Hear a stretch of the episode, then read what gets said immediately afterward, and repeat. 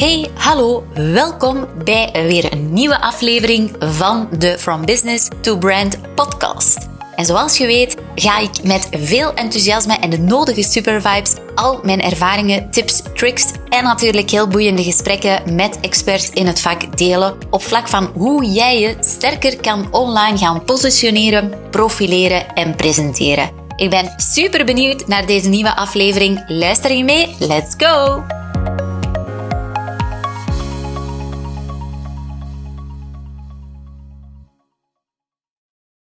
Hallo, hallo. Welkom bij een nieuwe aflevering van de From Business to Brand podcast. En super fijn dat je weer eh, intuned voor deze nieuwste 38e aflevering ondertussen. Dus eh, ik maak me er toch wel een beetje een gewoonte van om elke week een nieuwe podcast op te nemen. En ik doe dat ook gewoon wanneer ik voel dat er inspiratie is. Dus meestal ga je zien dat het niet altijd dezelfde dag is. Maar als ik voel van oké, dit kan super interessant zijn en inspirerend zijn, dan neem ik die telefoon bij me en dan uh, ga ik gewoon de podcast opnemen. Zo simpel is dat vandaag de dag. Nu, wat inspireert me vandaag? Um, dat heeft heel erg te maken met eigenlijk een beetje de titel van deze podcast. Want de, podcast noemt From Business to Brand. En eigenlijk, uh, toen ik Mathieu startte, uh, ondertussen um, ja, tien jaar geleden, natuurlijk niet onder de vorm waarin we uh, nu Mathieu kennen, maar dus tien jaar geleden startte ik Mathieu. En eigenlijk vanaf het begin was mijn doel wel om van Mathieu een sterk merk te maken. Waarom? Ik was natuurlijk uh, actief als ondernemer in de fashion business. En zoals je weet is de fashion industrie super creatief, innovatief. En daar draait het, ja, ja, daar draait het natuurlijk allemaal rond uh, branding, rond merken. En um, ja, waarom zouden mensen bepaalde merken gaan kopen of dragen en waarom niet? Dat heeft dus eigenlijk allemaal te maken met branding en heel weinig met de producten aan zich.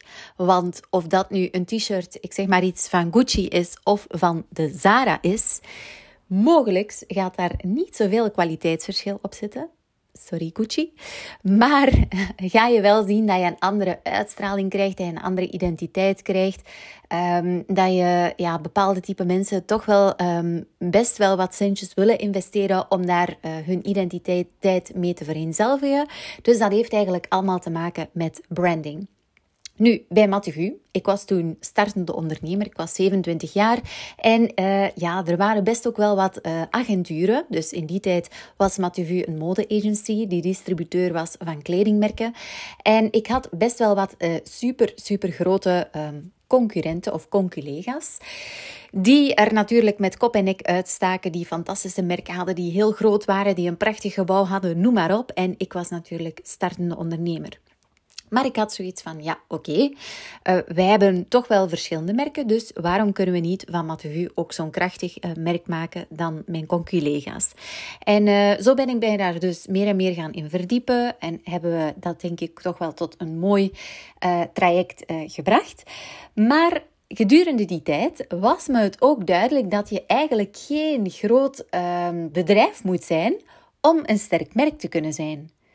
En dat is iets wat vandaag de dag misschien ook nog altijd een, een soort van misvatting is. Als ik zeg van kijk, hè, wil je groeien naar een sterker merk? Dan zeggen ze ja, maar ik moet nu niet zo um, groot worden bijvoorbeeld. En groeien naar een sterk merk heeft eigenlijk zo goed als niets te maken met gigantisch groot te worden. Je hoeft geen honderd eh, werknemers te hebben, je hoeft geen gigantisch pand te hebben. Maar als je kan groeien naar een sterk merk, dan wil dat zeggen dat je op lange termijn ook effectief ja, een zeer mooie omzet kunt gaan draaien. En dat klanten eigenlijk gewoon dolgraag met je willen samenwerken. Dat je niet meer moet gaan jagen achter klanten. Uh, dat klanten weten waarvoor dat je uh, staat. Waar, dat klanten weten waarom dat ze effectief ja, bij jou moeten zijn en dat jij um, als expert, jij als bedrijf, uh, mogelijk met jouw team, als ja, de ideale oplossing bent om, uh, om hen te helpen. Dus dat heeft eigenlijk niet zoveel te maken met de grootte van jouw bedrijf, maar eerder eigenlijk met hoe jij jouw bedrijf uitbouwt. En dat is hetgeen wat ik in deze podcast, uh, podcast ook heel even wil gaan toelichten. Want ja, de meeste bedrijven en ook zie ik natuurlijk ook bij onze klanten, die gaan meteen van oké, we willen zichtbaarder zijn. We willen online vooral zichtbaarder zijn. Dus we gaan daar meteen aan de slag. Dus wat zijn er allemaal dingen die je kan doen om online zichtbaar te zijn? Uiteraard onze social media. Je kan op YouTube gaan, je kan op Pinterest gaan, je kan um, e-mail marketing inzetten, je kan digitale marketing inzetten met advertenties. Dus er zijn 101 manieren om die online zichtbaarheid te versterken. En uh, zoals ik zei, als je toch zegt van kijk, ik wil online zichtbaarder worden of ik wil werken aan mijn online zichtbaarheid, um, is het natuurlijk belangrijk dat er een bepaalde strategie in zit, maar dat je natuurlijk ook consistent gaat zijn. Consistent, daar had ik het in de vorige podcast over, dat je niet dus nu en dan een keertje moet gaan zaaien om af en toe te oogsten. Ik ben heel benieuwd trouwens of je, of je die podcast ook effectief hebt um, gehoord. Mocht je die nog niet gehoord hebben, ga even naar uh, aflevering 37, de vorige aflevering. En um, ja, natuurlijk mag je altijd jouw takeaways ook uh, delen met me via socials. Ik ben heel benieuwd wat je er trouwens uithaalt. Nu, uh, daarover ga ik niet te ver weer... Um, op in, om dat topic. Maar het is heel belangrijk als jij wil werken aan jouw online zichtbaarheid, dat je natuurlijk ook moet gaan zorgen voor een bepaalde consistentie. Consistentie in de manier waarop je online zichtbaar bent. Uh, dat heeft deels te maken dus met de activiteiten die je naar doet. Dus in welke dat je wel on top of mind bent op regelmatige basis.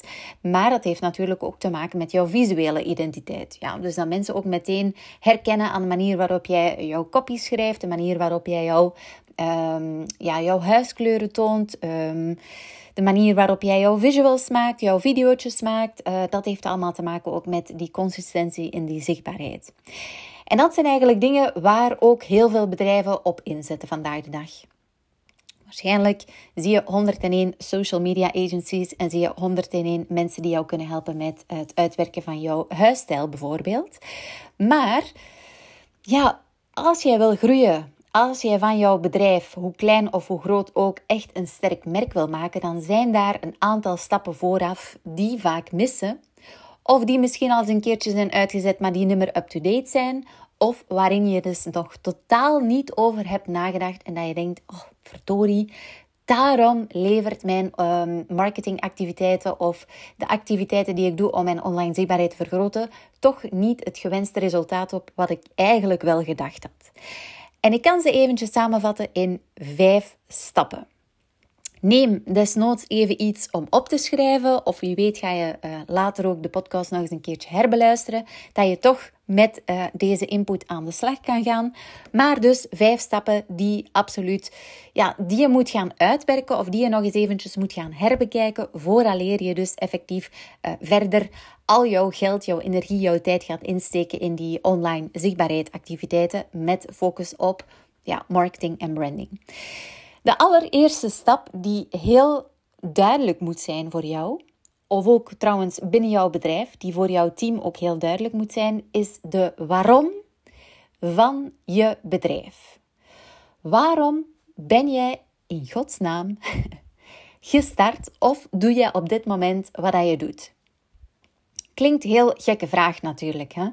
want uh, heel veel mensen kunnen mij vertellen mogelijk ga je dat ook wel hè, als je op een netwerkevent bent. 9 op 10 krijg je de vraag: Hey Ils, wat doe je? Wat doe je? En daarmee bedoelen de meeste mensen toch: wat doe jij op vlak van jouw carrière? Je bent ondernemer mogelijk en wat doe je precies? Oké. Dat kunnen we vrij gemakkelijk vertellen wat we doen. Dat is denk ik niet moeilijk. 9 op de 10 mensen vertellen altijd wat ze doen. Uh, de meesten kunnen ook wel vertellen hoe dat ze iets doen. Hè. Vind ik ook vaak heel interessant. De manier waarop je dingen aanpakt. Hè. Dus dat, dat maakt vaak, uh, dat toont ook waarin je mogelijk ook wel onderscheidend bent. Dus hoe dat je bepaalde dingen doet. Maar ik ben er zeker van dat als je naar een netwerkevent gaat of als je zegt van kijk, ik ben geen ondernemer, ik werk in een bedrijf, maar ik vind deze podcast wel super interessant, dan kan het ook wel zijn dat er op um, verjaardagsfeestjes, um, huwelijksfeesten, dat, dat men jou daar ook vraagt van, ja, wat doe je nu precies? Wat is jouw functie? Maar nooit vragen mensen waarom je nu doet wat je doet. En als ze dat mochten vragen, als je ooit die vraag misschien al hebt gekregen, dan ga je waarschijnlijk hebben gedacht, oké, even terug nadenken, waarom ben ik hier nu mee gestart en waarom doe ik precies wat ik doe? En die waarom-vraag, dat is eigenlijk een soort van hulpmiddeltje. Waarom? Omdat we het hier hebben over twee belangrijke dingen. Aan de ene kant hebben we het over jouw passie. Dus als ik bijvoorbeeld spreek over wat ik doe, dan ga je daar 9 op de 10 al de waarom uithalen, omdat dat vol passie is en omdat ik enorm graag doe wat ik doe, doe op dit moment. Dus bedrijven en ondernemers helpen in de groei naar een sterk merk met uh, de strategieën en de tools die we daarvoor hebben. Dus dat is eigenlijk echt mijn passie. En dat is iets wat in, in jouzelf zit. Daarnaast heb je mogelijk ook, en ja, zeker als je een bepaalde business hebt, heb je ook een bepaalde missie. Dat is ook jouw waarom. Want er is iets in de wereld waar je wil veranderen, of waar jij behoefte aan hebt om dat te veranderen, of waar jij wil aan meewerken. Bijvoorbeeld, in mijn geval, zie ik dus ook dat er heel veel bedrijven zijn, maar nog maar heel weinig merken. En het is mijn missie om dus van zoveel mogelijk bedrijven sterke merken te maken. Omdat ik gewoon weet dat op die manier de wereld, uh, de economie er een stukje beter gaat uitzien en uh, dat daar effectief ook nood aan is. Nu, die waarom, die heeft daarnaast ook weer een klein deeltje te maken met wat ik noem de Law of Brand Attraction. Degenen die al een keertje een workshop hebben gevolgd of een keynote van mij hebben gehoord, weten waarschijnlijk waar ik het over heb. Als jij gaat vertellen over jouw waarom, dan brengt dat een bepaald gevoel met je mee. Dus al, doe maar eens die oefening. Waarom doe je wat je doet? Dan begin je te vertellen, vertellen en dat heeft een bepaald gevoel. En dat gevoel ga je natuurlijk gaan uh, verspreiden. Dat ga je uitstralen. En ja, ik ben natuurlijk ook wel een beetje geïnspireerd door de Law of Attraction, dus de wet van de aantrekkingskracht. Ik geloof daar ook wel effectief in. Is dat wat je voelt wanneer je uitstraalt, dat je dat ook weer gaat aantrekken. Dus daarom is die waarom duidelijk hebben zo belangrijk. Want als die waarom heel duidelijk is voor jou, dan ga je ook zien dat je soms bepaalde dingen gewoon gaat aantrekken, waarin dat je nu bijvoorbeeld, als die waarom niet heel duidelijk is, super, super veel energie moet gaan steken. Dit is een allereerste stap. Jouw waarom, passie, missie. Een tweede belangrijke stap is eigenlijk jouw merkidentiteit. Klinkt ook misschien weer eh, heel fancy. Vandaag de dag worden die begrippen heel vaak gebruikt. Maar het gaat hier eigenlijk om de kern. En hier heb ik het dan over die twee dingen. Die vraagjes die je mogelijk ook wel een keertje krijgt op netwerkevents. Wat je doet, dus dat moet heel duidelijk zijn wat je precies doet, hoe dat je het ook doet. En natuurlijk ook welke waarde je uitdraagt en wie dat je gaat helpen. Die laatste, wie je gaat helpen, uh, daar ga je dan in die derde stap nog een beetje meer verder op in. Dus in die tweede stap hebben we het puur wat je doet, hoe je doet, de waarde die je brengt en ook effectief um, wat, je, ja, wat je te bieden hebt.